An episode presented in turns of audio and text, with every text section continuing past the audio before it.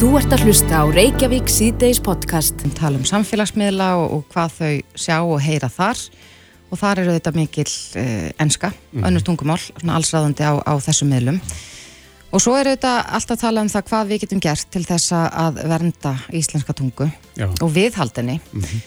Stjórnvöld hafa uh, ítt úr vöður alls, allskynns átökum en uh, sumum finnst ekki þetta ekki vera nægilega mikið sem við erum að gera hér til þess að vernda tungumálið. Nei og vilja stíga stærri skref? Já, tölverst stærri skref. Uh, nú fyrir skemstu opnaði nýr vefmiðl, rittstjóri.is og þar ræður ríkjum hans Snorri Másson, rittstjóri og hann er sestur einnig okkur, blessaður sæl. Já, heil og sæl, gaman að sjá okkur. Sem leiðis. Uh, Snorri, þú ert skrifaður pistil bæði inn á vefsíðuna rittstjóri.is og svo byrtist þessi pistil inn á vísi.is í dag þar sem þú segir að ef allt, já ef að þróunin heldur svona áfram að þá stefni allt í sögulegt stórslís. Já, ég veit að þetta eru svona kannski stór orð en, en e, það er hægt að tala um þetta á svona yfirveðan og, og tillitsaman máta og það hefur lengi verið gert en síðan er e, hægt að líta svo á að málefni sé það áriðandi að e, það sé í raun og veru í raun og veru segi ekki alla söguna að tala kurtislega um þetta eða í kringu hlutina heldur þurfi að líta á sko allar vígstöðar tungumálsins eins og er blasa við og, spyrja og svara því heiðarlega ef að framfer sem horfir á öllum þessum vígstöðum og ef að þróunum eins og hún er heldur áfram, mm -hmm. hver verður þá niðurstaða, niðurstaðan í því og uh, í okkar kerfi þá kannski hafa stjórnmálamenn ekki hagsmunni af því að, að hugsa hvað gerist eftir 20-30 ár þannig að þeir einbytta sér að, að því að ég fjalla það um að e, í kringum það þegar Ísland var fullvalda ríkja á sín tíma 1918 þá tekja það sem dæmi að þá hafi allan að sagfræðingur bendir allan að sagfræðingur á ákveðinni bók sko að Gunnar Þór Bjarnason að að þá hafi umræðan ekkert endilega öll snúist um það mál eða í aðdragandunum að því heldur hafi fólk líka verið að segja við getum ekki verið að einbytta okkur að þessu þjóðfrelsi eða fullveldi, við verðum bara að komast inn að einhverju niðurstöðu í þessum efnahagstrengingum, það eru stríðstímar og svo framvegis, þannig að þá er auglust fyrir okkur núna að horfa á það og segja, heyrðu, ok, þarna var fólk reynilega ekki með augun á boltanum eins og sagt er eh, á því sem eftir áhyggja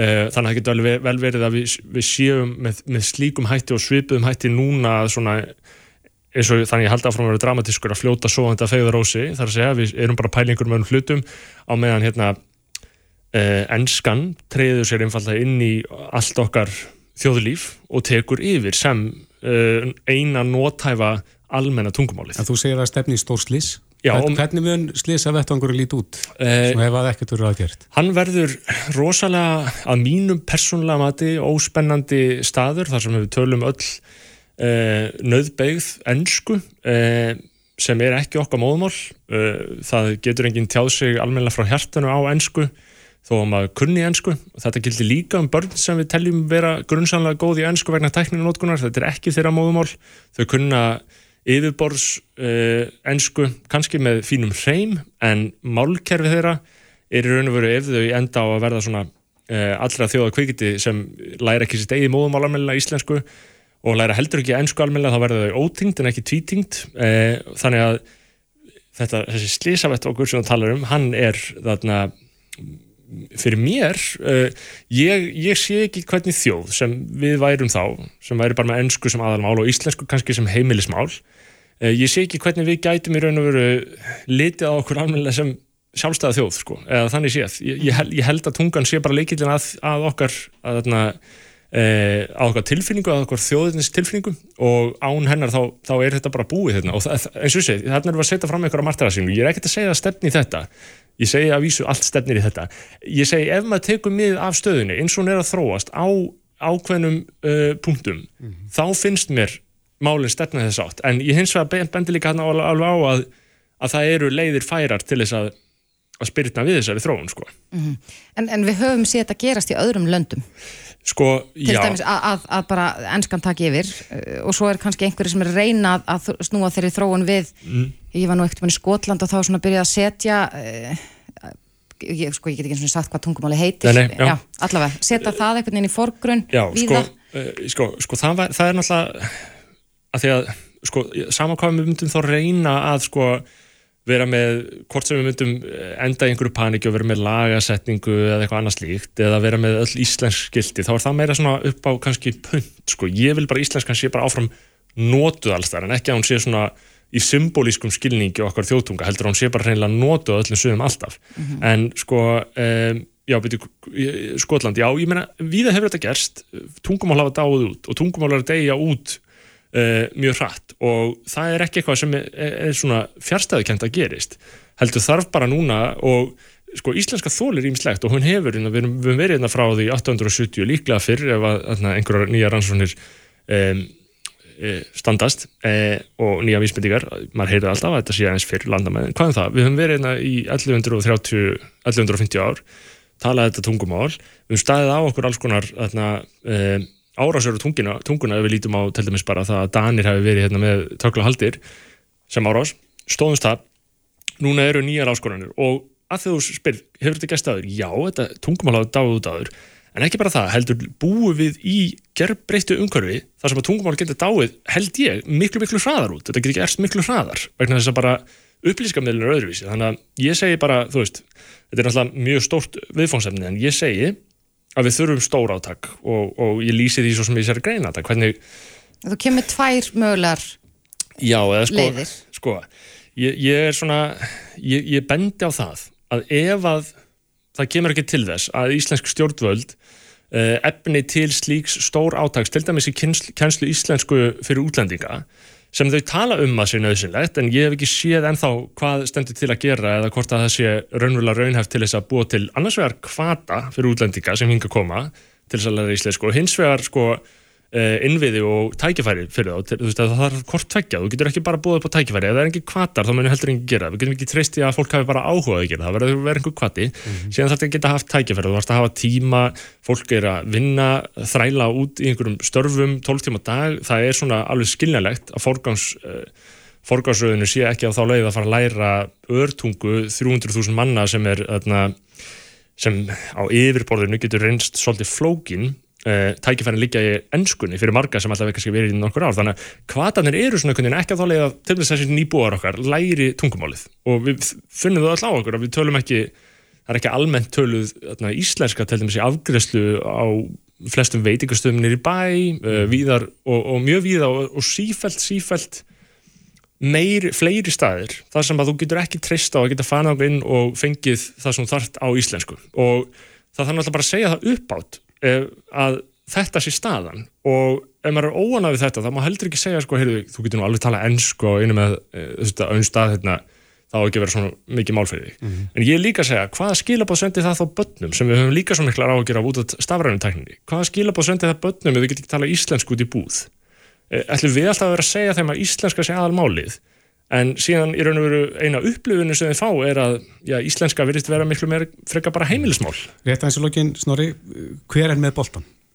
Uh, Stjórnvöld, þetta er Já, sko, ég hef lengi gert aðtöðasendur við þarna um, sinnuleysi stjórnvalda í þessum málflokki og ég vonast innilega til þess að þeir takja þetta mjög en, alvarlega. En ef það er einhver einn einn, ég menna sko í teóriu þá væri það uh, Lili Alfredsdóttir mm og ég veit að hún hefur metnað fyrir málunu en ég veit ekki hvort hún átti að sjá umfangi vandans eða horfist, vilji horfist í auðvöfu vandan ég held að við þurfum að fá miljardamæringa í samfélaginu okkar til dæmis fólki sem greiðar alltaf peningin á auðlindin okkar uh, og fáðu til að borga tilbaka með því að búa til einhver svona fleiri 20 miljardar krónar íslensku verkefni þar sem við höfum youtubera á launum af því að það eru börnin, við þurfum að hafa fleiri tíu youtuber á launum, sambarlegt listamann á launum uh, sem búa bara til íslenskt rusl, en það er allan íslenskt. Uh, það er ein aðgerð fullt fullt aðgerðum til þess að síðan við þurfum ekki að fara að taka einhverju umræðu um að takmarka verulega aðflutning, aðflutning fólks, en það er eitthvað sem við þurftum líka að taka umræðinu um ef að þetta bara heldur svona áfram, skilur mm. Þa, það er allan mín, mín, mín skilningur á því hvern, hvernig við ætlum að takast á þetta sko. Já, þetta er aðeinsvært og, og uh, þarf á að ræða þetta, ég held að við getum öll tekið undir það Já Snorri Másson Ég mun halda fram að ræða þetta, þið getur treyst á það Reitstjóri, takk fyrir komina Takk kærlega fyrir mig Reykjavík síðdeis á bylgjunni. Þú ert að hlusta á Reykjavík C-Days podcast. Jæja, við höldum áfram hér í Reykjavík C-Days. Klukkan er 24 myndur gengin í 5 mm -hmm. og við ætlum að já, halda áfram með umræðana um uh, samráð uh, skipafélagana. Já, samstíf og einstip þar undir og því máli er hverginar í lótið. Þarna ganga kærur á Víkslenn. En uh, frangotastjóri félags atvinnureikanda hefur uh, sendt út ákall, hann vil svör frá innviðar á þeirra, fagsaflóahöfnum og borgastjóra Reykjavíkur. Hann er sestur hjá okkur, Óláfi Steffensen, frangandastjóri félagsatur Reykjanda, blessaður sæl. Komið sæl. Já, við höfum nú rætt þetta við þið áður, já. en uh, já, eins og kannski gengur og gerist í frettum á Íslanda, þá, þá er alltaf eitthvað starra og meira, eitthvað ráþara sem að segja af sér eða eitthvað, mm -hmm. en uh, þessu máli er ekki lokið. Nei, nei, sko, þetta er stórt mál og alveg gríðalegt hagsmannamál bæði fyrir mikið meirinn þetta fyrirtæki á Íslandi og fyrir held ég alla neytendur á Íslandi að það sé heilbrikt samkeppnisumkörfi í, í flutningum og sko þeir segir já það ganga hérna kærur og áfríjanir og, og stefnur á, á víksl en það er eiginlega alveg sama í rauninni hver nýðustæðan er í því hvort að til dæmis telst sannað að þarna hafi sko verið formlegt samráð í gangi eða, eða annars líkt. Mm. Þa, það breytir ekki því að það er ónóg samkjörni á flutningamarkaði.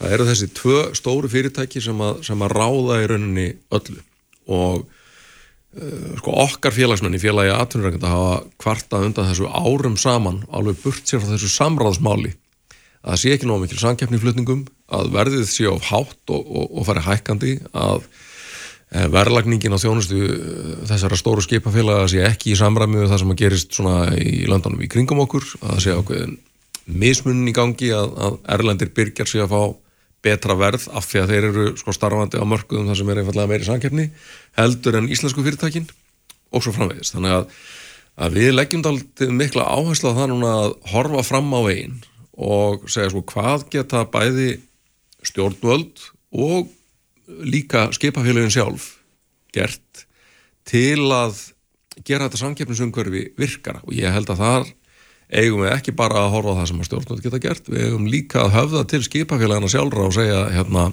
nú þurfum þið að byggja upp tröst þið þurfum að, að uh, stuðla því sjálf mm. að verði til hérna virkari samkeppni. Er lausnin að fá annað skipafélag í samkeppni?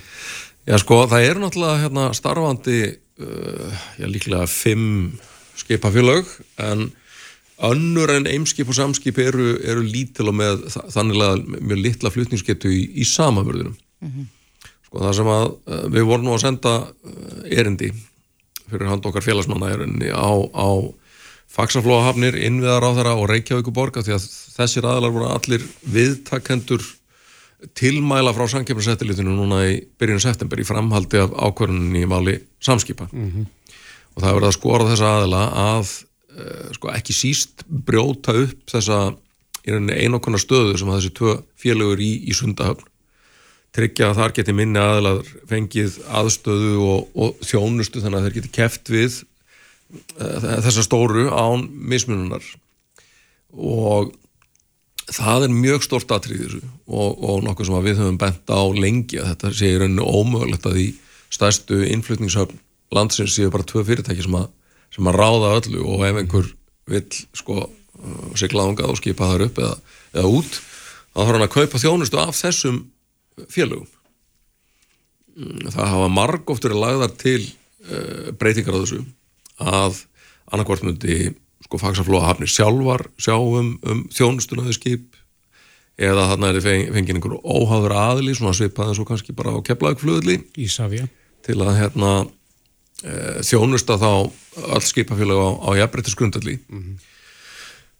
og eins og ég segi sko skipafélagin sjálf geta ráðið nokkur um það uh, hvort þetta gerist og hversu hratt mm -hmm. þau geta þvælst fyrir, þau geta staðið fast á því að þau séu þannig með langa loðarlegu samninga og og einhver réttind og svo framvegis en ég, ég, bara, ég bara beiniði til þeirra hér og nú að taka þátt í með stjórnvöldum og hafnariðvöldum í fagsaflóðahöfnum að breyta þessari stöðu mm -hmm. að því að tröst þessari fyrirtækja er núna nokkur neginn í nulli og þau þurfa að gera eitthvað til að byggja þau upp bæði hjá, hjá öðrum fyrirtækjum og hjá neytendum. Já, en þið eruð að spyrja þessa sem þú myndst á einn áðan innviðar að það er Reykjavíkuborg og Faxaflóhafnir sko, hvað, til hvaða ráðstafana þessir aðalar hafa gripið til eftir þessi tilmæli frá samkeppniseftilitinu eh, ertu, ertu, finnst þér líklegt, ertu bjart síðan á það að, að það verði aðþást eitthvað í málunum fyrr en að, að sko já, og það nú vitum við þetta að, að já, samskip hefur áfríða mm. þessu. Já, það er í raun og verið ekki komin endanlega niðurstað í málinu. Ég, ég er bjart síðan á það vegna þess, eins og ég sagði aðan þá hefur, sko, það, er, það, það blasir við öllum að það er ónóg samkeppni á þessum flutningamarkaði. Þessi aðstæða í sundahöf til dæmis er óviðunandi. Það hefur ekkert með lyktir samráðsmálsinn sem slíks að gera. Mm -hmm. það er bara verkefnum sem þarf að ráðast í hvað sem er þetta eru hlutir sem samkeppnisættilitið benti þessum sömu aðilum á í skýrslu árið 2008 mm -hmm. að það þyrti að brjóta upp þessa stöðu í sundahöf enginn gerði neitt núna hins vegar þegar að, að sko, skýrsla samkeppnisættilitið sem þessi samkeppnisbrot likur fyrir þá held ég reyni að, að menn komast ekki hjá því að gera eitthvað. En þú, og... talar, um, þú talar um að þetta hefur valdið bæði fyrirtækjum og almenningi verulegu tjóni. Já. Er þetta slá á það hversu mikið þetta tjón er? Ég held að sé hægt, en það er ekki búið að því. Við erum í samtali við sérfræðinga sem að við vonumst til að muni rekna það út fyrir okkur með svona einhverjum mögulega mismunandi aðferðum hvert tjónið er. Það Hver, er augljóslega mikið. Tjónið? Byrgiðu. Hvernig byrtist þetta tjón? Já, það byrtist auðvitað í því sko að eh, verðskrá eh, flutningafyrirtækina, það er bara kostnæðan við flutningana, var hærri en hann heldur en hann hefði átt að vera. Mm -hmm. e, það síðan mm, leiðir annarkort til þess að, að fyrirtækin bera tjónið. Um, það er til dæmis líklægra að fyrirtæki útflutningi þurfu bara að bera þetta tjón sjálf, þau eru í samkeppnu og alltfélag markað, þau get ekki verðt. Hærri flutningskostnæði út í verðlæði vegna þess að þau eru í virkri samkeppni og stórum markaði mm -hmm. þau bera þetta tjón klarlega sjálf einhver fyrirtæki sem er í innflutningi velta tjónunum mögulega frá sér og út í verðlæði og þá er það um leið orðið tjón neytenda einhver fyrirtæki geta, geta það ekki vegna þess að, að samkeppnin á markaðinum uh, er svo hörðaði, get ekki að hækka verð eða eins og til dæmis varðar uh, livjafyrirtækin sem eru nú mörg hjá okkur þau eru einfallega með sitt verð bundið í samningum við stjórnvölda stórum hluta og geta ekki hækka það þó að flutningskostnaður hækki. Mm -hmm. En heldur það að sé hægt að, að vegna þess að, að þetta sjá við já, þessa gríðarlega háu segt mm. uh, hæstu segt sem að samkipninseftilitið hefur segtað um, þannig að það gefur auðvitað leið að þetta hlýtur að vera mikið tjón miða við fjárhæðina sem að sektin er að heldur að vera gaglegt fyrir allan almenning og fyrirtæki að, að geta svona, já, reynd að sjá hvert tjónið er bæði fyrir fyrirtækin og svo já, já. Ég, ég, held að það verði, verði gaglegt og við, eins og ég segi, erum að, erum að vinna að því að reyna að leiða það fram hvert tjónið er og það skiptir líka máli þegar að bæði fyrirtæki og mögulega einstakki neytendur vilja fara í, í skadabótamál mm -hmm. eins og náttúrulega mörg fyrirtæki er að, er að skoða sko, þó að það kannski liggja ekki fyrir neinar, neinar stefnur í málunum. Nei, en svo er það afleitt áhrif þetta hækkar vöruverð sem að fer út í e, neslífísutöluna sem að hækkar lánin. Nákvæmlega þannig að, að sko áhrifin eru, eru, eru, eru víðtæk og, og ná bara mjög langt svona í, í virðiskeðjunni getur við sagt mm. Já, en verður og, hægt, bara ein spurning út af því að já. þú sagði að varst að tala um, um sko skadabætur verður hægt að, að sækja slíkt mál áður en að uh, málið er leitt til líkta? Það finnst mér ekkit endilega sennilegt Nei. en hitt er svona mál sko að, að það eru fordæmi fyrir því að, að bæði fyrirtækjum og einstaklingum hafa verið dæmdar skadabætur vegna samráðsmála, það, var, það gerist í olju samráðsmálunu og eh, ég held að það sé bara afskaplega mikilvægt að, að, að þeir sem er að hagsmanna gæta haldi því til streytu vegna þess að fyrirtæki einfallega eiga ekki að komast upp með brota þessu tægi, þetta á að kosta. Mm -hmm. Láta þetta vera loka orðin Ólafur Stefansson, farangotastjóri félags aðunureikanda, takk fyrir komuna Takk fyrir mig Þetta er Reykjavík C-Days podcast. Áframhöldu við Reykjavík C-Days þegar klukkan er rétt um tíundi gengin í sex og við ætlum aðeins að ræða næst göng til Vestmanæja sem að ég veit að margir eigamenn og reynda fleiri mm -hmm. hafa kallað lengi eftir. Já, svo sannlega, þetta er, eh, já, við tölum auðvitað oft um jarðgöng og eh, oft, margir vilja horfa til færi, hvers vegna geta færi engar þetta en ekki við. Akkurat. En uh, nú hefur Sigurður Ingi Jóhansson innverað þeirra skipað uh, starfsóp til þess að kanna físileika á því að, að uh, setja jarðgöng á milli lands og vestmannja.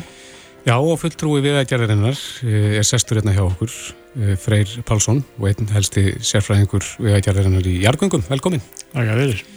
Já, hvað segir þú? Er, er, er þetta raunheft eða er það það sem að þið eigi að skoða? Já, við eigum að, að skoða físileikan uh, á að fara þarna yfir og, og, og endur skoða svolítið það arsemina í, í þessu verkefni. Það hefur svo sem lítið breyst varandi tæknin í yngar jargöngum, það er svona sipað eins og, eins og þetta var síðast skoða mellir 2000 og 2007. Mm -hmm. uh, já, en, en, en þetta með arsemi hefur kannski aðeins breyst og, og svo leiðis. Hvernig þá?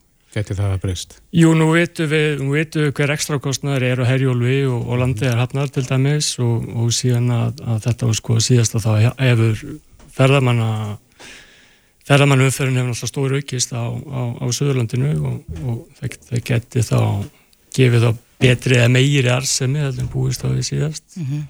Ég fór nú sjálf til vestmanni í sumar og það komir á óvart vegna þess að það var bara eitthvað svona virkur dagur vennilegur dagur og það var alveg já, ofbáðslega mikið fólki í herjaflu og aðalega erlendir ferðamenn þannig að vestmanniðar eru komnir á, komnir á kortið má segja hjá ferðamannum. Þetta er aðdróttarafl. Já, já, mér skilst það að það sé bara nánast fullt þarna á sömurinn í, í bátinu, sko. Mm. En ef að, af göngum er því, hvað er að tala um laungöng? Það er eins og gangalínni teknið dag og þá eru að gera ráð fyrir að þetta verða cirka 18 km göng með þá, já, langlengstu göngin í Hellendis mm -hmm. uh, og eina lengstu vegagöngum í heiminum Uh, gangi færu þá frá landegar eða landegum um, stað sem þetta er krossi cirka og, og Hvað er það svona fyrir ekki staðsett svona miða við höfnina núna? Það er svolítið fyrir vestanhöfnina uh, það, er, það er svolítið djúftnir og klöpp á landegarsandi og, og þarna fundin staðir sem að vera eitthvað greinst mm -hmm. það eru svona mælinga sína þessi er kannski 40-50 metra niður á, á, á klöpp þarna mm -hmm. en gangin kæmi svo upp við norðukletta vestmanni sérst, hjá, í eigum mm -hmm. Sko 18 km göng þú segir einn ein lengstu veggung í heimi um, bara miða við það, óháð öllu hennu er, er þetta gerlegt? Já, það, er stórti spurt uh, já, fyrir, fyrir skýsluðundar og þeir sem hafa skoðað þetta á þau vilja meina það að þetta sé gerlegt og, og hægt að gera þetta en En þannig eru við vissulega að fara í gegnum mjög uh, fjölbreyta jærfræði og, og unga og, og uh, svolítið erfiðar aðstæður. Uh, þannig að þetta verður klárt aðeins stýrar eða tölver stýrar heldur þau göng sem við erum vöna að gera á Íslandi. Uh, en tæknilega vilja mann meina að þetta sé, sé gerlegt, já. Mm -hmm. En göng eru nú dýr fyrir, þannig að þetta uh, gæti verið mjög kostnarsamt. Já, já, ef við segjum að sko síðasta kostnæðum að 2007 var að gera ráð fyrir kostnæði þá á því verðlega upp á 50 til, til 80 miljardar mm -hmm. uh, uppreiknað í dag að þá eru það að tala um ja, cirka 125-200 miljardar fyrir uh, göngin. Og telur að það sé upphæðin í dag einnig? Já, ég held að það einhver staðar á þessu spónu þá, þá liggjum við sjálfsagt. Mm -hmm jafnvel, jafnvel aðeins dýrar það eru, við erum auknari öryggiskröfunar hafa aukist aðeins þannig að göngi þurft að vera aðeins breyðari heldur en að gera það fyrir þessum tíma mm -hmm. uh, og, og langkalli krafi til langkalla hefur breyst þannig að við þurfum að aðeins flatari Þýrstu þá stærrið að breyðari bór? Ef að er þið bórað með að já, svona heilbórun og þá þurfti mm. aðeins stærri bór í það, já Já, þetta er eh, auðvitað spennandi og ég held að eigamenn eru nú kannski eh, spenntastir fyrir þessu en það hafa samgöngur þar verið ansi erfiðar en uh, ef að segjum sem svo að þið skilið ykkar skýrslu, þessi starfsópur sem að skipar hefur verið núna, þetta hefur þetta verið kannad áður en, en raunhæft hvinnar væri, myndum við sjá bara þessi göngi í virkni ef allt gengur upp og, og þetta er þið samþygt og bara færi í sitt ferli? Það er mjög erfitt að segja til um það núna því að þetta er ekki á neinum áallunum uh, ef að verði ákveðið að halda áfram að skoða jargönga þá eru við að, að fara í ansi viða mikla rannsóknir á, á jarfræðinu þarna millir landsvega mm -hmm. uh, sem er bæði mjög kostnæðafrekt og, og tekur tölverðan tíma og það er raun og verið út frá því sem að kannski metur hvort að endanlega hvort maður vilji fara í, í svona verkefni Já. En bara framkvæmdin, að bóra átján kílometra, búa til átján kílometra löng göng, er þetta ekki uh, tímafrækt? Jú, þetta ég... Það fer, það fer rosalega mikið eftir jærsvælum aðstæðum og, og, og hvað aðferðir þið nota. Það verið nota heilbórun svo kallu, eða TPM á ennsku og, og allt myndi ganga þokkalega. Þá eru við kannski að tala um framkvæmta tíma fjögur-fimm ár. Uh, ef það eru bóru og sprengt eins og önnu göng hérna þá eru við kannski að tala um framkvæmta tíma sem er 8-10 ár. Mm -hmm. Við tölum stundum um uh, frændur okkar færiðinga þeir eru hérna að gera göng bara nánast hrist þetta fram úr erminni Akkur er gengur þeim svona vel að, að gera þetta en minna gert af þessu hér? Já, já, það er bara mjög góð spurning. Eh, hérna, þeir, eh, þeir hafa meir umferð á sínum vegum. Þetta, eru, þetta er minni landmassi þó að þið séu færri en þá er, þá er meiri umferð á vegunum þeirra heldur en á, á sveitavegunum hjókur til dæmis. Mm. Uh, og þeir eru ofta, suma þessum göngum sem þeir eru að gera eru komið í staðin fyrir ferjur, mill eigana og þeir vilja hafa góð tengsla mill eiga uh, sín á milli og, og kostnaði við rekstur á ferju með dýr og svo er þeir með bara mjög frambærlegt og fínt uh, berg til þess að gera gangi mm -hmm. Hvað kostar að reyka herjólf og landegahöfni í dag? Já, ég svona, veit það ekki alveg en, en, en það tölur sem ég séð ábyrðalöst að þetta er mismundið milla ára 1 til 1,5 miljardur ári rúmlega það mm -hmm. Myndur þú þóra að skjóta það hversu líklegt þú telur að þetta sé svona í prósendum talið eða eitthvað slíkt Að það komið gangilega? Nei, við erum bara nýbyrjuð í, hérna, í vinnunni í starfsóknum þannig að ég vil, vil eða ekkert vera að segja það Nei, hvaða, hvaða vinna fyrir gang núna? Hvaða upplýsingu þurfuð það að safna? Nú er, eh, er þetta bara að dusta reiki raun og veru af þeirri vinnu sem að gerða áður uh, og, og hérna skoða, skoða það eins upp á nýtt að einhverja tækni þróanir hafi verið, verið gerða síðan þá, eða orðið síðan þá menna ég. Uh, og svo er þetta að raun og veru að uppreikna upp á nýtt eða reikna kostnaðin, áallan kostnað að kaupgöngin getur orðið uh, og, og svo er það þetta með arðsemi uh, að við, við skoðum það upp á nýtt og, og uh, þá er náttúrulega höfum við núna reynslu á, á rekstrinum, er ekstra kostnað á landegarhöfn og, og eigum mm -hmm. og við vitum að það er meiri túrismi og svo framvegs uh, eitt hlutverk okkar líka er að leggja fram kostnaðmetna áallunum áframaldandi rannsóknir Já. á járfræðinni. Það er ekki til bór í landinu það? Nei, það er eh, ekki að mér vitandi er ekki, er engin bór á Íslandi. Þýrstu ekki að eiga bór? Í það var mjög gott að eiga bór á Íslandi en, en hérna í þeim vegaverkefnum sem við höfum eða vegangaverkefnum sem við höfum verið að kljást við síðustu ára þá þá hafa þeir verið útlendir aðeila sem að koma með, með sína bóra og, mm. og, mhm. og bóra og sprengja ganginn hjá okkur. Já, akkurat. Já, við fylgjast áfram með þessu. Það verður spennand að sjá hvort að, hvort að hver ykkar niðurstaða verður. Freyr Pálsson, sérfræðingur vegagerðarinnar í Jarðgöngum. Kærar þakki fyrir komið. Þetta er Reykjavík C-Days podcast. Jæja, við ætlum núna að snú okkur að loftslagsbreytingum. Mm -hmm. Í gær byrtist skýrst, ný skýrsla vísindanemdar um loftslagsbreytingar. Hún var kynnt og, og uh, höfundarnir segja að áhrif loftslagsbreytinga og náttúrufara á, á landi séu auðsæ og aukist stöðu. Lífskilir þeirra að breytast. Mm -hmm. Já, við fáum svolítið svona insýn inn í hvernig sviðismyndi geti verið hérna mm -hmm. þegar að litir fram í tíman. Akkurat, en eh, já, þessi skýrsla er, er dansi viðamikil og, og við heyrðum það nú hér í, í símatímanum í gær að eh, fólk hafið skoðun að þessum málum, mm -hmm. einhverjir efast um já, ég er sennilega bara efast um hvort að þetta skipti nokkru máli Já, við séum svo fámenn Já, og það sem við gerum hafi engin áhrif Já, en um, til þess að útskýra þetta fyrir okkur er hann sestur hjá okkur Haldur Björnsson, sérfræðingur uh, hjá Viðstofu Íslands. Blessa og sæll. Komið þið sæl. Já, þú va- varst einn af þeim sem að, að eh, varst að vinna að þessari skýrslu. Lítur að þekkja hann ansi vel. Jú, ég gerir það. Hverjar eru helstu eh, svona niðurstöðnar? Sko, það er náttúrulega eins og þú sagðir að, að sko, áhrif loftslagsbreytinga eru auðsæg og þau hafa reynda verið sko, skýr í náttúru landsins nokkuð lengi, jöklarnir eru að hopa hraðar en þeir gerðu. Það er miklu heitara núna á Íslandin hefur verið. Það var hlýtt til dæmis um miðbygg aldarinnar síðustu en þá var alltaf þannig að það skiptust á sko kuldaskeið og köldár og heitár, köldár og heitár sko. Núna erum við bara eigin eigi heitum árum þannig að ef maður bara lítur á sko miðaltölu áratöga þá eru þau langt yfir öllu núna síðustu áratögi en verið hefur Mm.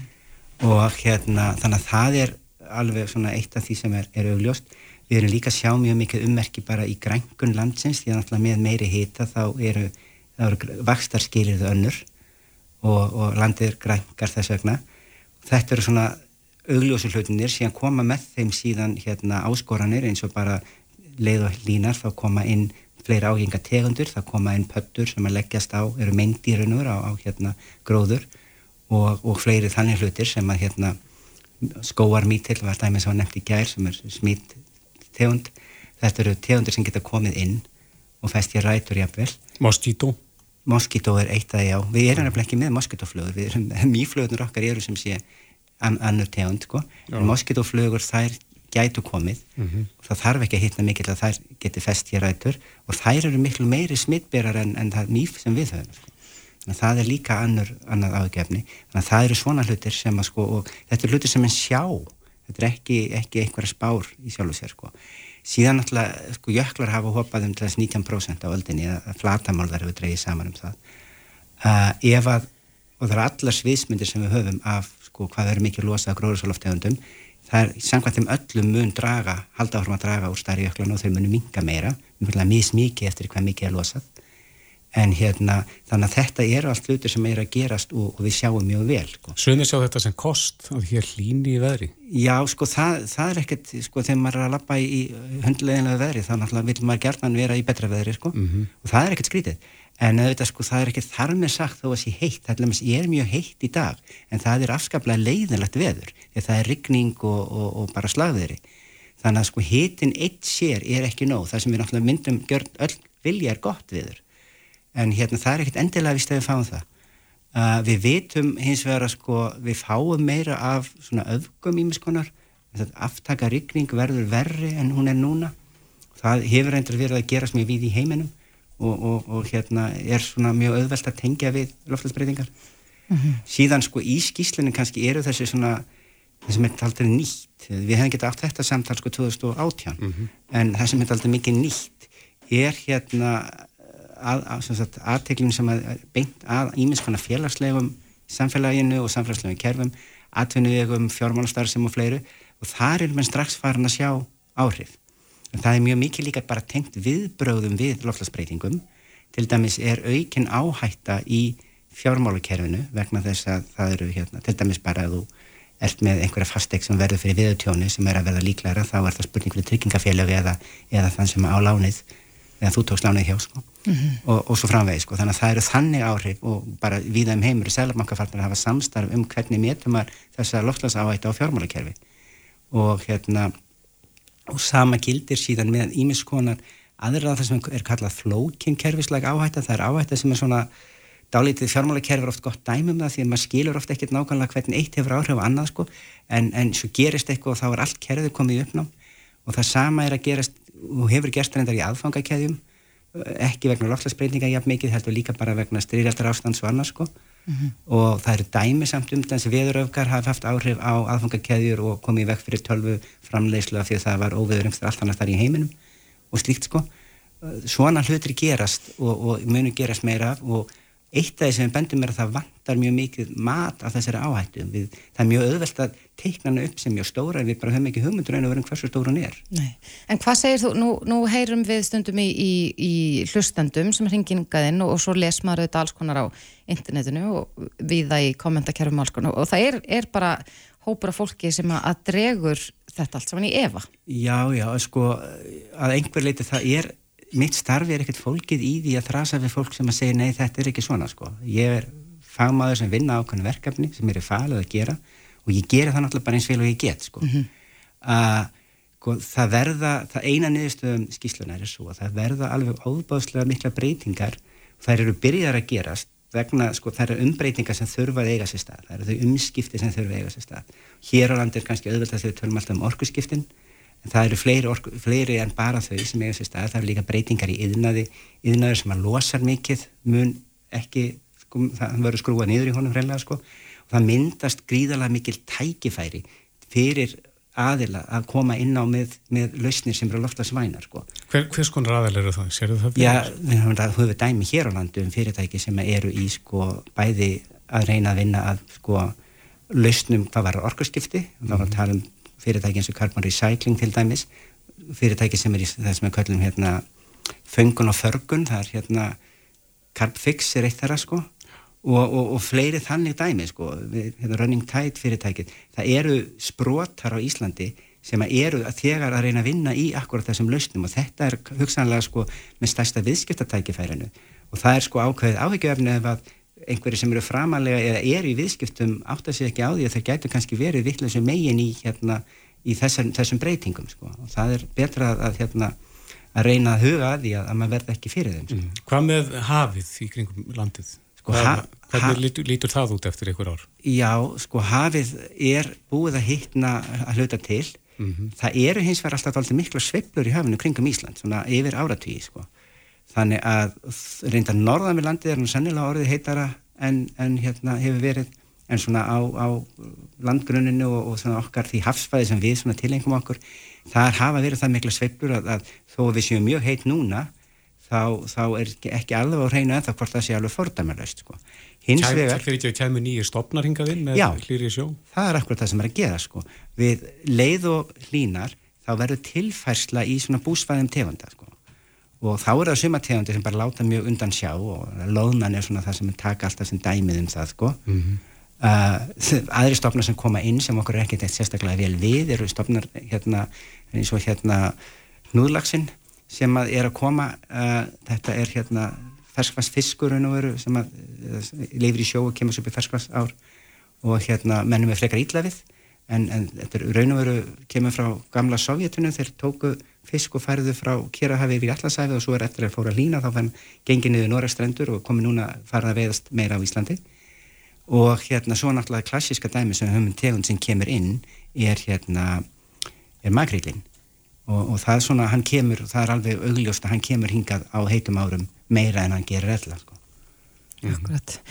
Eitt af því sem við myndist á hérna áðan líka er, er sko auðvitað eh, er, já, það er nýlega búið að koma upp nýju flokkunarkerfin svo hér er Reykjavík, ég bý í Reykjavík þannig ég þekki þetta með, með sko lífrann og úrgangin og, og svo eru orku skiptin, margir farnir skiptið verið í ramagsbíla en eh, einhverju vilja meina að, að sko það sem við gerum hér, við sem einstaklingar skipti engu máli í stóra samhenginu hvað var þar loftslagsbreytingar? Eh, sko það, það sjálfsagt eh, sko að einhver leiti er þetta samt sem aður það að þú færði ekkert, sko getur ekkert skorast undan endalust sko uh, En ef allir myndu hugsa svona Já, ef þá... allir heimil myndu hugsa svona myndu ekkert gert sko. En þetta er svona, þetta er bara, bara að láta einhvern annan hafa vand, bera vandan sko. Það kann, sko algjörlega óháð, það, það er vandamál sem snýr að losun, raun og veru sko. Mm. það sem við tölum líka mjög mikið um eru einfallega hvað við þurfum að gera til þess að bregðast við þessu og það skiptir, það er ekki annar manna vandamál, það er okkar vandamál. En almenna reglan er þessi sko það eru þrýr kostir sem við höfum úr að velja sko.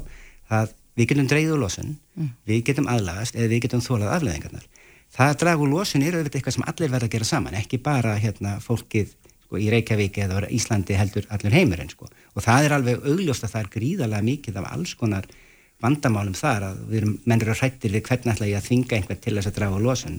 Það getur þá bara verið hreinlega með að kaupa ekki af honum eða eitthvað líka. En síðan er þetta þetta að aðlagast. Það er eitthvað sem við gerum, er staðbundu og við gerum sjálf til að verja okkur og það gerir það engin annar fyrir okkur ef við, ef að sko heiminum tekst að draga mikið úr losun og við getum aðlagast mjög vel, þá þurfum við ekkert að þóla mjög miklar afleggingar því það verður ekkert volað miklar. Mm -hmm. En ef að eitt að hýrum tveimur klikkar, þá náttúrulega þurfum við að þóla meira afleggingar. En spurningin er kannski skiptir þá máli það sem að við þessar fáu það sem þessar fáu þjóður gera, hræður gera og það er, sko, þetta er alveg sko, skiljanleg spurning og, og fullkomlega, en hún snýr í raun og veru ekki að því hvernig, sko, hvað við þurfum að gera akkurat núna, sko, en ef við ætlum að draga úr og ef við viljum að aðrir dragi úr losun svo við verðum ekki fyrir tjóni þá verðum við að taka þátt, sko, því annars myndu þeir bara segja, byrju þið eru ekki að gera neitt, ekki ætla ég að gera það.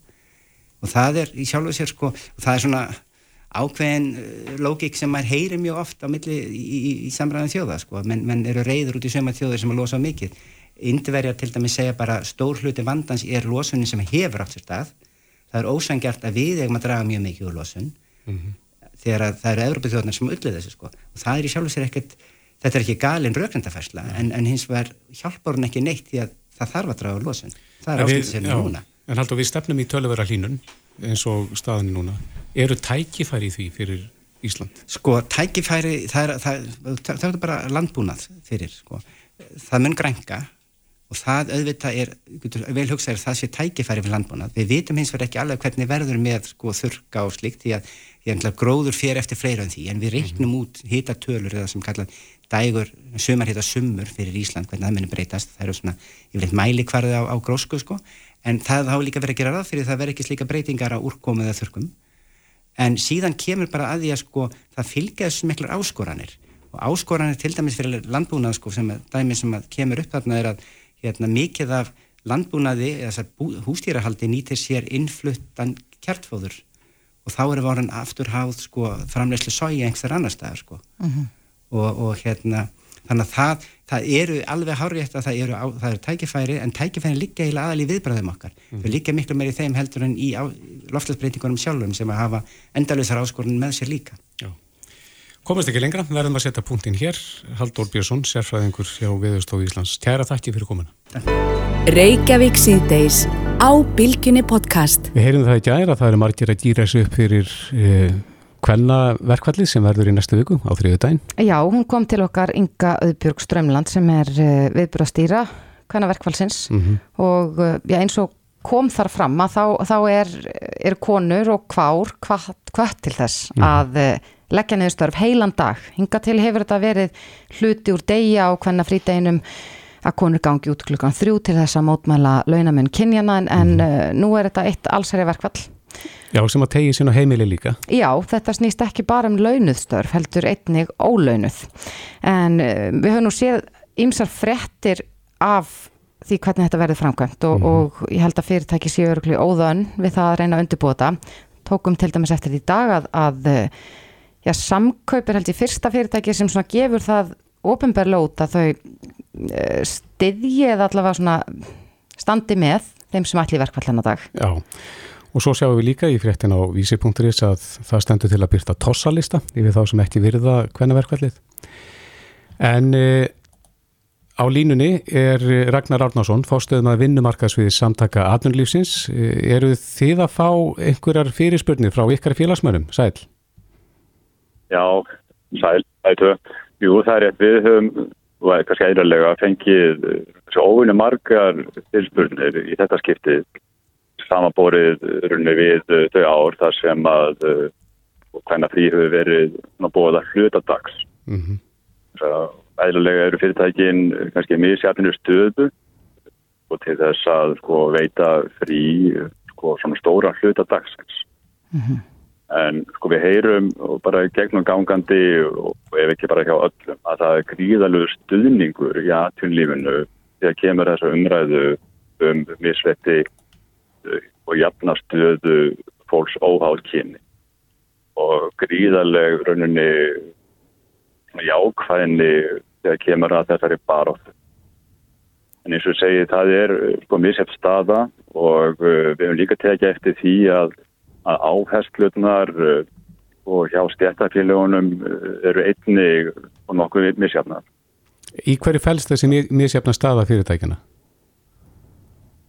Já, sko, í sömu tilvökum eru kannski vinnustæðir yfirgnæfandi skipar öðru kyn eða einu kyni af kannski fleirum mm -hmm. og uh, leiða til þess að, að fyrirtæki myndi einfallega bara að loka ef að allir tækjurinn er frí þennan, þennan sama dag. Mm -hmm. og uh, þetta er þetta fyrirtæki sem eru að bæði að selja þá vörur og tjónustu og eru að, að þjónustu svona viðskiptavinni og ekki alveg sjálfgefið að það setja leggja niður þjónustuna öllu leiti og að margir gera áfyrir því að það þurfa einhvern hægt að tapmarkana. Akkurat. En það sem að kannski uh, svona aðeins hefur svona komið líka umræðan og það er þetta aðferðin og þessi kvartning sem við hefum séð til sérstaklega frá þá BSRB að það er rauninni að það er markmið, sjálfstætt markmið að valda usla í atvinnlífinu eins og að valda kannski eins miklu tjóni eins og mögulegt er. Og það er auðvitað það sem margir stjórnundur auðvitað velta fyrir sér af hverju það sjálfstætt markmið Akkurat. Er, er, hefur það komið ofnbörla fram frá BSRB að, að þau séu með það markmið að valda tjóni að, að, að þetta verði já, skellur fyrir atvinnlífið eða, eða er, er það því tólkun? Já, sko, það er þetta bæði viðtal við forman BSRB núna fyrir þetta tveimur dögum síðan, þetta ávísi að sem að það kemur fram að það sem eigi markmið að valda usla eins og það er orðað í, í viðtalinu. Mm -hmm. en síðan einnig á þessu síðu viðbörðarins að það er eins og þessu megin kvartningin að fólk ræði ekki við sinn vinnveitan fyrirfram gangi bara út. að, að, já, að, já, og mæti ekki til vinnu þennan dag. Mm -hmm. það er mismunni áherslu en síðan hefur við séð raunin hjá sko, ASI félagunum sem eru meira á almennu vinnumarkaði. Eins og því að bara heima síðu vaffær það er lögð áherslu á það að launafólk ræði við sinn mesta yfirmann. Með hvað hættir þá best að koma við þessu þessari fjárvist mm -hmm. og fái heimil til þess að, að taka þátt í viðbyrjum. Það er svona aðeins mjög annars vera á stættafélagunum sem eru umbrið tjónustu og hins vegar þeim sem eru á almennu vinnumarkaði og eru betri tengingu kannski við það fyrirtækinu landinu. Mm -hmm. En eh, er ykkur vafið um það hver er að bera kostnaðin af, af þessar útgöngu? Ég sko það er engin ágreiningun en það að að uh, fólk sem að mætir ekki til vinnu að þá ekki rétt rétt á launum og það líkur líku, líkur líka fyrir að þó að þetta kallað verkfall að þá stendur ekki til að greiða fólki úr verkfallsjóðum stéttafélaga. Nei. En við höfum líka heilt bara frá aðurreikundum að það fólk sem að kemur til stjórnenda og ræðir runni bara þess að fjárvist og, og með hvað hægt er best að koma yfir við að það er bara mikið jákvæðni að þau fyrirtæki sem að geta veikt frí á launum þau gera það. Önnur er þetta að selja kannski út tíma og tíma og það er kannski er þetta meiri kostnaður einhverju tilvökur. En það er almennt mikið jákvæðinni gagvart hvernig frítaginn mm -hmm. og þeir eru bara áttu sem að runni anstendur fyrir. Akkurat. Það heyru við frá fyrirtækjum okkar. Líkt og Kristófer myndist á hérna á þann að þá já, higgjast skipulegendur byrta svona tossalista yfir þá atvinnureikundur sem að, að hamla þáttöku í verkvallinu og eru búin að stopna skjala á netinu þar sem þetta senda sko, ábendingar um, um atvinnureikundur eða vinnustæði sem að stiðja þetta ekki. Eh, hvernig líst þér á þessi áform? Mér líst ekki vel á þau og satt að segja eins og sagði fyrirtækin eru þetta mis uh, vel, vel í takk búin að, að veita frí lengur og skemmri tíma enn á dag og það að setja einhver tossalista finnst mér rauninni ekki rétt, rétt aðferð við erum að tala um starfsfólk fyrirtækja þar sem að gríðilega áherslu lögð á, á jafnbretti og taka á öllu sem heitir einæstu og þetta vinnustöðum. Og þetta eðla spyrja með sig af hverju á að setja sko, fyrirtækja á svartnæn lista sem að uh, segja kannski einungis ég skal veita að leifi í sko tvo klukkutíma eða þrjá klukkutíma á launum. Að fara svartan lista vegna þess að það er ekki allir sólarhingurinn undir. Mm -hmm. að, uh, að fólk geti rauninni bara ekki mætt þess vegna unni morgunin ekki þess vegna bara rauninni unni til klokkin 1 eða á 2 ekki átti dasgráni að það er auðvitað þessu umræða af hverju þegar dasgráin er afmörskuð við kannski fundmilið 2 og 3 hver er tilgangurinn með því að þá mæta til vinninu fyrir haldi og valda rauninni vinnuvitandanum kannski mjög miklu óhærað og tjóni fyrir því. Akkurat. Eh, einn annar svona, svona kannski hinn hliðin á þessu svo að, að eins og við rættum hér í gær við viðbúrastýru verkfallsins var að eh, já, það er nú ætlasti þess að, að konur sinni heldur ekki já, störfum innan heimilis að, og svo eru þetta leikskólar og skólar í, í hrönnum að loka og, og ætlasti þess að þá karlmenn eh, já, sinni börnum eða takiðu með sér í vinnuna er eitthvað, er eitthvað rætt um þetta hvort að, að Karlandi fá hreinlega frí líka til þess að vera heima með börnunum? Já, það eru mann til að higgjast á fyrir tíu að þeir fá laun þannig að þarna þurfa það að við tilviki að taka runni þá alveg heilan orlófsdag og eru þá frá runni vinnu á sérstaklega launa þannig að og vissulega er þá kemur þetta spurningin og hér er svona heita markmiðið að uh, þetta er auðvitað sem að bara eins og við fóröldur að við leysum svona mál yfirleitt. Auðvitað eru líka nú síðri vikunni veturfíu skólum og þetta er auðvitað alltaf samtal fóröldra og vinnumveitanda hvernig best að koma því við. Og við þekkjum í skrifstofumhverfinu að, að börn koma ég ætlum ofta með en úti í kannski inn fyrirtækjum er ekki auðvitað að koma því við að fara með börnum vinnustæði. Nei. Er það eh, hluti af ykkur í sviðismynd að atvinnulífi geti einfallega bara lamast á þriðudaginn kemur? Já, það er þetta spurning hvort að það séu þetta eins og segir megin markmiði vegna þess að það er ekki, það er þetta skýrt að ef allir karlar myndir ganga út þá myndir atvinnulífi líka lamast. Það er sama hverju hópurinn er sem að ekki mæti til vinnu á mótni að það myndi hafa stórkoslega áhrif auðvitað á allt aðtunulífi. Mm -hmm. En við auðvitað bara treystum því og við þetta vísum til þess sem að við erum að sjá hjá uh, alltíðsnafarsfélagunum eins og þetta með svartær að fólk taki bara einfallega samtalið við stjórnendur með hvað hætti hægt að koma við þessum fjárvustum eins og eins og ég sæði það er bara mikill stuðningur í atvinnulífinu við þennan málstað og þessa baráttu. Og það er yfirgnæmindi hluti til þessara stjórnenda sem við erum í samskipnum við eru mannustjóra fyrirtækja. Og það eru uh, mikið konur sem er í þessum og það er, og það er eins og er engi mun á þeirra afstöðu og afstöðu karlana sem við heyrum í. Það er þessi stuðningur við grunni jafnastöðu og grunni þetta ofbeldi og einasti mm -hmm. sem að freka beinist að konum og við erum að berja skemmt. Já, en finnst ykkur þetta oflátt gengið eða hvað hjá, hjá skeipilegjendum? Já, og við höfum sagt að það sé kannski mætti grunni gæta meðanhótt og þegar fólk er kvatti til, til að leggja niður stöð. Akkurat. og uh, það að það er ekki meðalhóf þegar fólk hvart til þess að ganga út á hans að ræða við næsta yfir mm -hmm.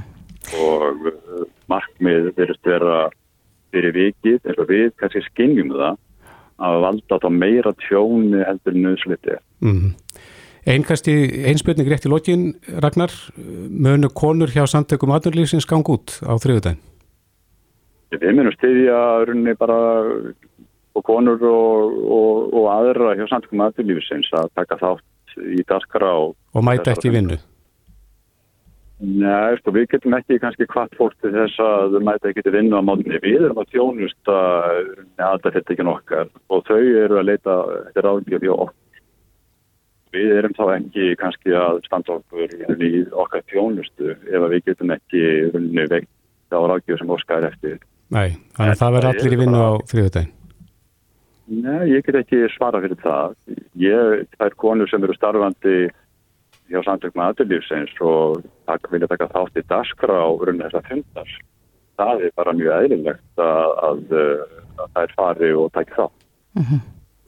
Já, þetta verður aðteklisverðu dagur, svo mikið vist. Ragnar Árnason, forstuðumadur vinnumarkasviðs samtaka aðtunlífsins. Kæra þakkir fyrir þetta. Það er bara bestu þakkir. Takk fyrir þetta. Bless. Hlustaðu hvena sem er á Reykjavík C-Days podcast. Við erum komin nýri bæ.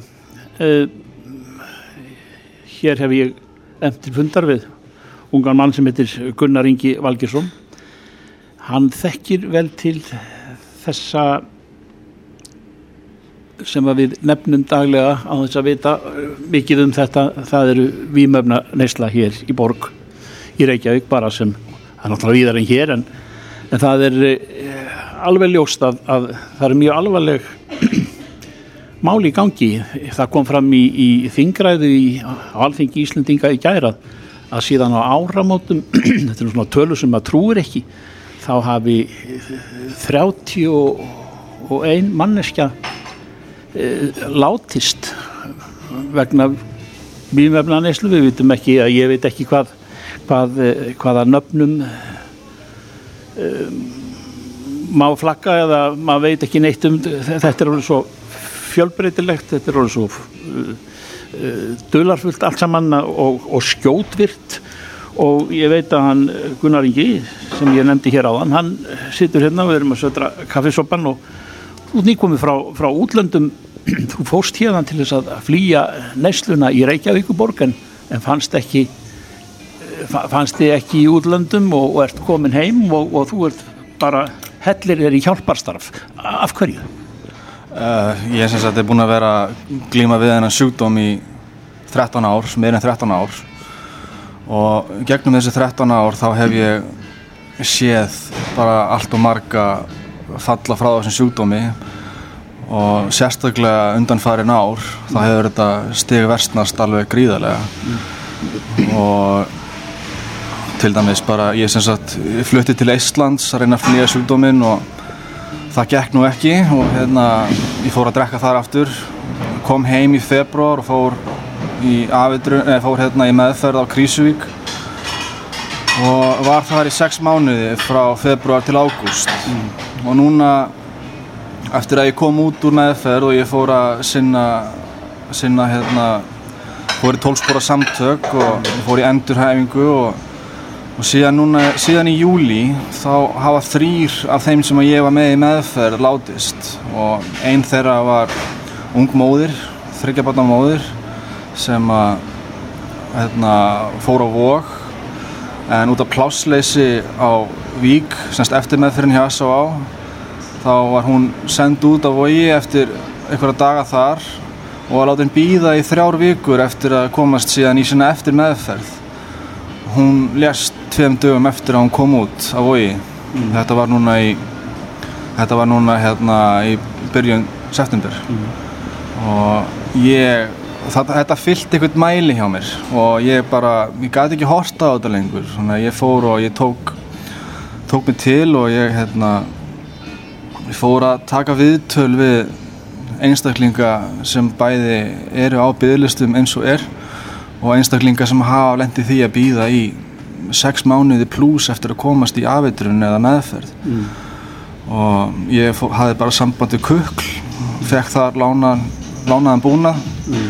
fekk húsnæði lánað og hérna sáum þetta sjálfur bara og kom fólki í viðtöl og til að passa nafnleint þannig að öll viðtölun eru í nafnleint það sést ekkert í andlit og það sést að við breytir öttinni og þau eru bara að segja í sína sögu og bara hryllingin sem það gekk í gegnum að meðan það var að býða eftir að komast í afindurinn eða meðferð. Mm ég var að ræða við einn núna síðast sem að hérna, sem að hann sem sagt var bara komin í það flakk á milli maturversluna að stela spritti og, og var að spröyta sig með þunglindislífunum sínum og hann svaf í ruslagámum og bílakjöllurum og, og þú veist á þessum og hann gæti ekki verið edru, hann, hann gæti ekki þetta er alltaf hræðilegt að vera í þessu ástandi úti í rigningu og kulda og svo í ruslagámum og vera í edru gegnum það þegar þú ert bara þú ert að drepast að innan mm. þannig að þú verður að deyfa þetta. Þegar þú kemur að, að utangunar þá hérna e, eftir að hafa hafnað útlöndum þú varst ekki nú ánað með sjálf og ert komin heim og ert að hella þér í þetta e, sem er gott og góður að gelda verðt hvert, hvert leita menn þegar þau vilja komast í, í, námynda við þig upp á það að fá að segja sína sögu? Eh, það er bara lífið á bygglista gmail.com Þið getið fundið, þið getið fundið þetta á öllum samfélagsmiðlum, TikTok, Instagram, Facebook, YouTube. Og þar er hægt að íta á bara e-mail linkin og senda mér skilabóð á Facebook eða bara hvar sem er og ég get bara lífið á bygglista á samfélagsmiðlum og ég mun svara ykkur. Svo þinkona sem að ég eh, nefndi hér til sögunar eh, og, og var að tala um og vekja eh, á þessu aðtikli í gær alþingi Íslendinga eh, talaði um það að, að síðan á áramótum hefðu 30 einstaklingar það hefur sloknað um, þeir, þeir eru dánir. Maður, maður náði þess ekki og maður nærði þess ekki. Eh, er, er hvergi skilning að finna á þessu? Það eru ótrúlega mörg efni í gangi að þér viðist og þetta er skjótvirt og þetta deyfir bara 1, 2 og 3 er, það ekki rétt hjá mér? Þú, þú þekkir þennan heim Jú, algjörlega, þetta er bara efnin er alltaf að vera sterkari og sterkari og erfiðar að losa sig við þau. Og, og þegar þú segir hérna 30, og, 30 einstaklingar látni sína áramótum það er nefnilega, talan er herri sko, af því að það er bara talið með það sem getum beintengt til ofneyslu eða eitthvað svoleiðis.